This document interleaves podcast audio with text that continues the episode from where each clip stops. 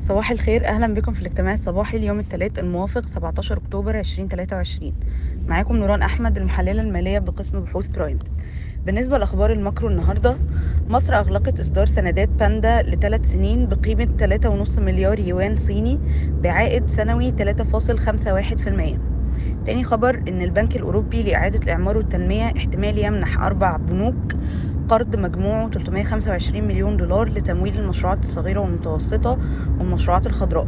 من ضمن البنوك الأربعة البنك التجاري الدولي. تالت خبر إن الحكومة المصرية هتستخدم متحصلات بيع الشرقية للدخان لإنشاء مصنع للأسمدة بجانب إعادة هيكلة شركة الدلتا للأسمدة.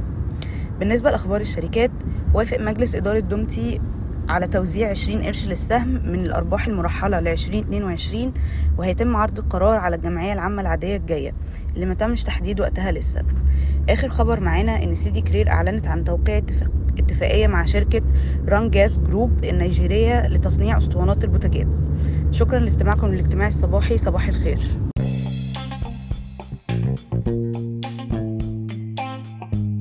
يرجى العلم أن هذا العرض هو لأغراض معرفية فقط، ولا يمكن اعتباره عرض أو توصية شراء أو بيع أو إدارة استثمارات أو خدمات استشارية. ينصح باستشارة مستشارك المالي قبل اتخاذ أي قرار استثماري، علماً بأن الأداء التاريخي ليس مؤشراً يعتمد عليه لتحديد الأداء في المستقبل.